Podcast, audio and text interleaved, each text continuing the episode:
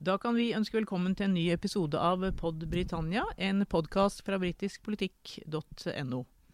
I dag skal vi snakke om Boris Johnson, som er i hardt vær om dagen. Torsdag så tapte det konservative partiet et suppleringsvalg i en valgkrets som de har holdt i 200 år. Og, og det er bare ett av de mange nederlagene Boris Johnson har gått på, på nå i høst. Eh, jeg heter Trine Andersen, og med meg her i dag for å snakke om Boris Johnson er mine to medredaktører Erik Mustad og Øyvind Brattberg. We shall never surrender. The pride in who we are is not a part of our past. It defines our present and our future. The people of Scotland have spoken. England, Scotland, Wales, Northern Ireland together, taking us forward, unleashing the potential of the whole country. Jeg tenkte jeg skulle starte med å stille dere et eh, ja- og nei-spørsmål, jeg. Eh, Øyvind og Erik, kanskje deg først, eh, Øyvind. Når vi kommer til neste jul, altså julen 2022, tror du Boris Johnson kommer til å sitte som britisk statsminister da? Med fare for å virke tabloid, skal, man skal jo ikke være tabloid, men jeg tror det er en ganske stor sannsynlighet for at Boris Johnson er, er skiftet ut når vi kommer til jula 2022. Det så, tror jeg. Så nei, altså? Svaret er nei. Og du Erik, hva tror du? Nei, Bare for å gjøre dette litt morsomt, da, så må jo jeg svare ja. Ok, men vet du hva? Da må vi høre litt grann først med deg, Øyvind. Hvorfor du sier nei, og kanskje du også kan fortelle litt mer om dette siste nederlaget som Boris Johnson nå har blitt påført? Vi kan starte med dette siste nederlaget, dette suppleringsvalget til Underhuset, som følger av, av denne skandalen rundt rundt Patterson, som gikk, gikk av nylig, nokså nylig etter en, en, en, en, skandale om lobbyvirksomhet osv., hvor han eh, trakk seg som parlamentsmedlem. I dette suppleringsvalget så har det vært en voldsom omveltning, der liberaldemokratene har overtatt kretsen og setet fra det som i utgangspunktet var et, et, et sikkert territorium for de, for de konservative. Og det føyer seg jo til en, eh, et ganske så høyt nivå av eh, folkelig mistillit mot Boris Johnson og, og hans regjering. Slik blir det iallfall tolket i, i britisk offentlighet. Og så er det samtidig stor uro internt i, i, Boris Johnsons parti. Og det er jo det som til syvende og sist er, er avgjørende for hans egen fremtid. Han har et, et stort og trygt parlamentsflertall Eh, for det konservative partiet i, i, Underhuset. Så det som til syvende og sist vil være avgjørende for Boris Johnsons framtid som statsminister, er tilliten internt i eget parti. Og jeg tror vi skal komme litt tilbake til hvorfor den tilliten er nokså frynsete, og, og, og, hvilke farer som, som følger av det. Men det er ganske mange vanskeligheter eh, han har støtt på eh, i møte med ulike fløyer av eget parti og i møte med forskjellige uheldige hendelser den siste tiden. Så Boris Johnson er en statsminister som, som sliter med, med eh, både mediedekning og, og, en slags offentlig mistillit. Men han sliter også med veldige kontroverser inne i det konservative partiet. Og det er der eh, man, man kommer til kjernen av hans eget fortsatte liv som statsminister, tror jeg man kan si. Men Erik, du tror kanskje at Boris har mer enn ni politiske liv, du da, siden du tror han kommer til å sitte om et år også? Ja, Nå vet jeg ikke om jeg tror han kommer til å sitte, men siden Øyvind sa nei, så tenkte jeg jeg skulle si ja. Men eh, Boris Johnson har overlevd veldig mye i sin politiske karriere. Og eh, kanskje da også eh, den eh, skal vi si, fasongen som det konservative partiet har, og usikkerheten rundt hvem som eventuelt skulle etterfølge Boris Johnson, kunne også tale til fordel for at han blir sittende. Eh, så hvis vi ser på alle disse krisene som nå har vært, som absolutt er kriser, den ene etter den andre, opp det oppløftende for det konservative partiet er at de sitter med et stort flertall, som Øyvind nevnte, i parlamentet.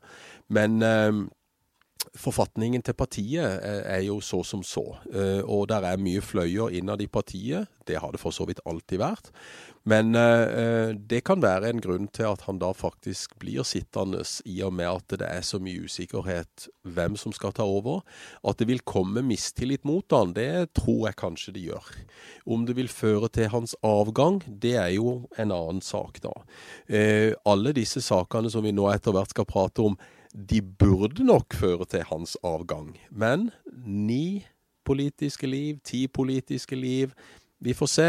Eh, det er mange av hans eh, støttespillere i partiet og i eh, opinionen som sådan som ikke ser ut til å bry seg så veldig mye om løgner, fanterier, partier, tap her og der. De støtter han allikevel. Noe av det samme så vi jo under Trump i USA, hvor det var en gruppe kjernevelgere som ville stå ved han uansett hvor mye han løyv og dreiv med tull og tøys på, på Twitter og, og, rundt forbi, fordi at det, alternativet var ikke aktuelt. Og, og, ser man det polariserte Storbritannia som man så det polariserte USA, eh, så har partiet eh, en, en god et godt flertall fra valget i 2019, som nå er, er to år siden. Men det er så mye usikkerhet rundt mange av disse som sitter på regjeringsbenken om hvem som eventuelt skulle overta. at uh, Sett i det lyset så, så tror jeg at én, uh, han kommer til å sitte fordi at de ikke klarer å samle seg om et alternativ. Og to, han har sine støttespillere nesten uansett hva han gjør. Men skulle vi kanskje ta en liten oppsummering her om alle disse skandalene som har vært gjennom høsten? Og for det supplerer meg hvis det er noe jeg glemmer. men det begynte altså med, med, dette her med cash for så er det ikke det, det kalles. Hvor altså en del eh, støttespillere til Det konservative partiet fikk, eh, fikk plass i Overhuset mot å gi millionstøtte til Det konservative partiet. Og så fikk vi opplysninger da om denne Owen Patterson, som eh, dette suppleringsvalget som, som, vi nå har fått, med Owen Patterson som da hadde drevet med noe lobbyvirksomhet som ikke var helt etter boka. Og så kom opplysningene om at uh, Boris Johnson, vel ikke Boris Johnson, men at det hadde vært juleselskaper i Downing Street i desember i fjor, da Storbritannia var nedstengt. Og så er, har, vi også hørt i hele år også opplysninger om en oppussing av en leilighet hvor det ikke har vært oppgitt uh, helt hvem som har betalt for den. Og så kom på tirsdag en avstemning i parlamentet hvor 100 stykker av de konservative stemte mot egen regjering og et skikkelig oppgjør mot, opprør mot Boris Johnson, kan vi vel trygt eh, si at det har vært. Og så til slutt av dette suppleringsvalget på torsdag. Og Øyvind, har vi sett noe tilsvarende med noen annen statsminister med så mange store ting altså, Det vil jo nesten ikke noe ende ta dette her? Det begynner jo å minne litt om, eh, om 1990-tallet og, og de hva skal man si, John Majors, den daværende statsmi konservative statsministers eh, avsluttende to år ved makten, umiddelbart før Tony Blair og, og Labour kom inn i 1997. Da det også tårnet seg opp diverse skandaler eh, omkring statsministeren selv og hans, og hans parti. Og også en, en, et, et, inntrykk av at det var korrupte tilstander, eller i alle fall innslag av mismanagement i, i veldig mange forskjellige former. Men um, jeg vet ikke. Mange sånne små klimaks Det avgjørende er jo hvor, hvor sterkt det blir sittende i den offentlige hukommelsen, på et vis. Mange har jo antatt at Boris Johnson er en så annerledes politiker, med en så annerledes appell, at uh, det har ikke så stor betydning. Man, man, legger til grunn at Boris er Boris. Det vil alltid være kaos omkring han. Men han evner å holde skuta flytende, og så skjer det en masse gode ting også. Det, det er mange små eksplosjoner, men noen av dem er godartede. Og han vil alltid ha en, en stor andel av folket som har, eh, har trua på ham. Nå gjenstår det å se, eller vi vil se mer av det framover, om det likevel er slik at, at en del av de vanlige politiske tyngdelovene har relevans for, eller gjelder til syvende og sist for Boris Johnson også. F.eks. det at han må drive en kompetent regjering og vise til resultater på sikt for at, han, hans, for at folk skal bevare troa på ham. Det er jo, Vi har kommet til en, en, et tidspunkt hvor det er naturlig å, å vurdere om eh, regjeringa er, er liv laga, både for folk flest og for konservative partier. Vi er omtrent halvveis i, i valgperioden.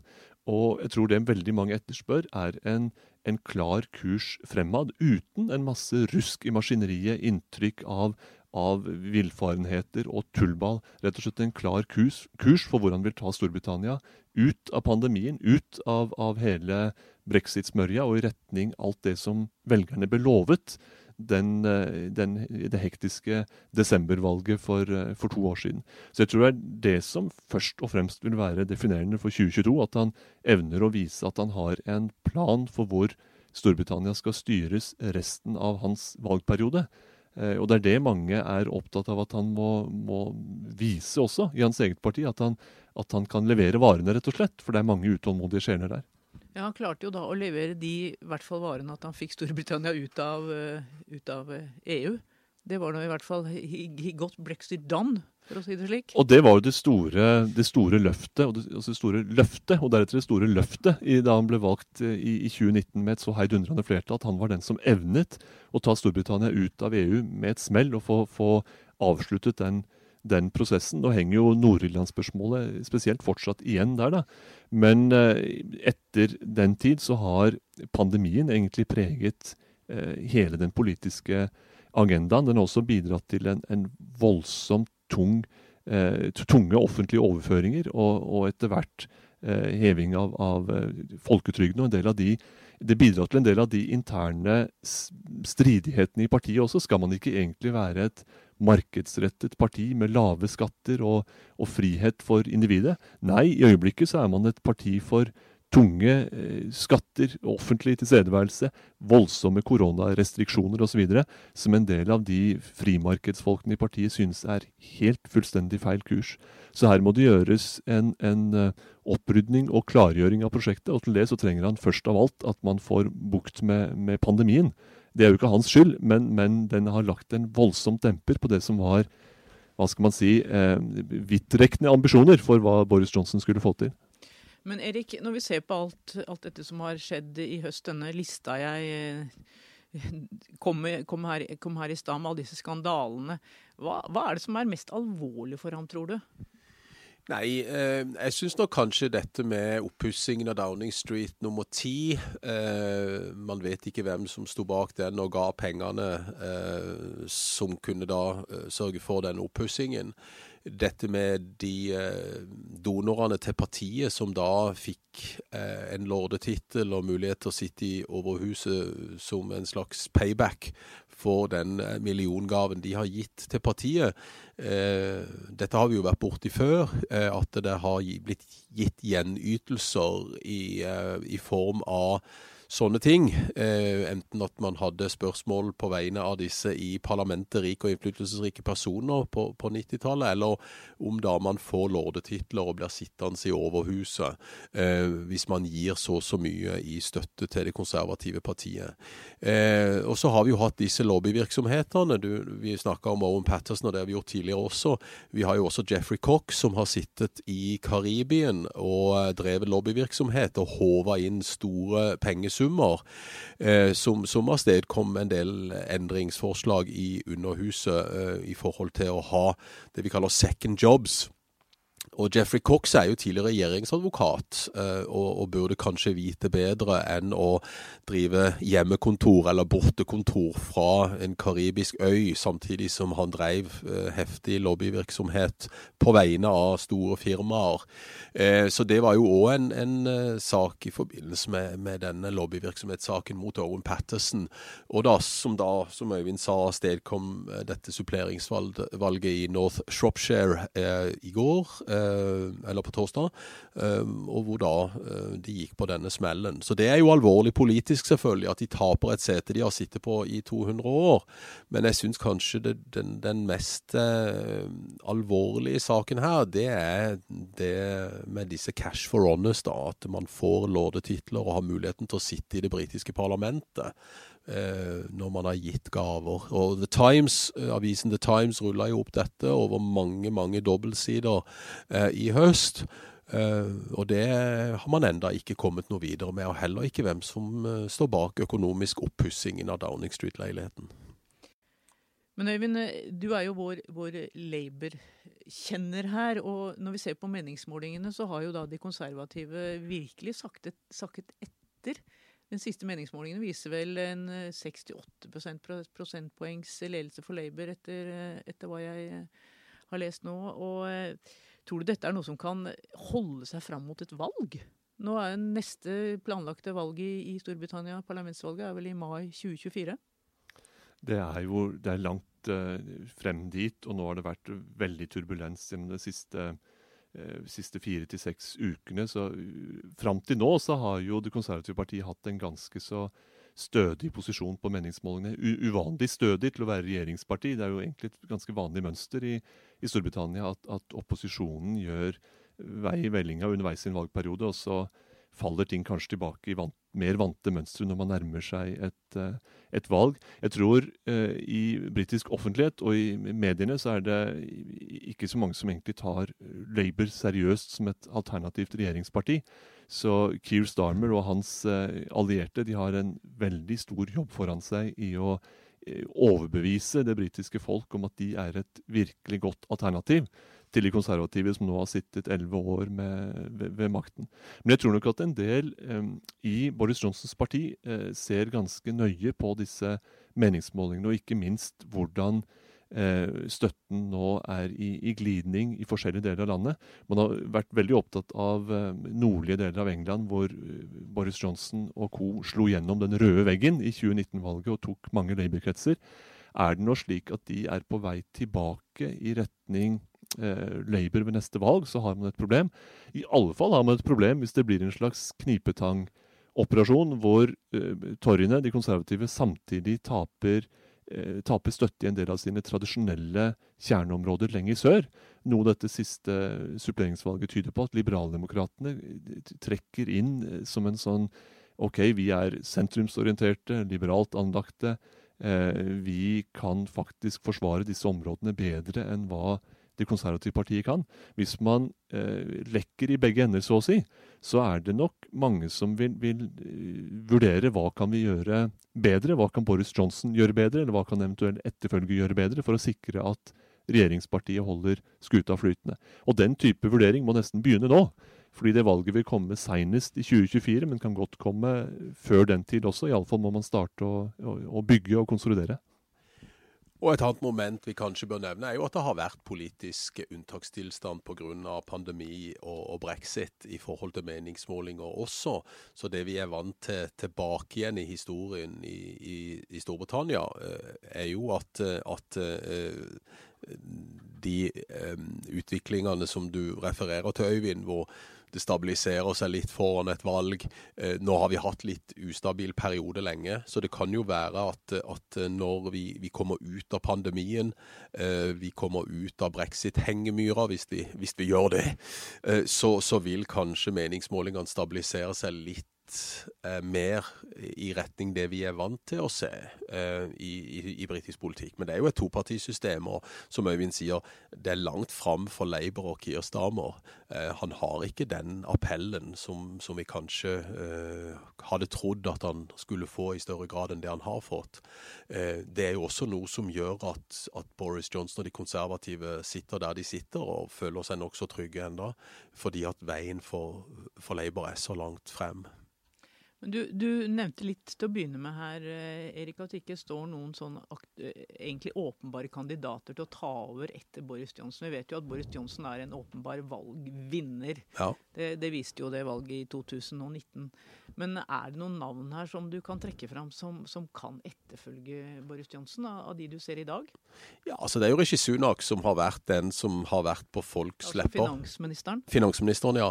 Eh, som, som, kanskje er den som eh, nevnes oftest i britiske medier som den naturlige etterfølgeren.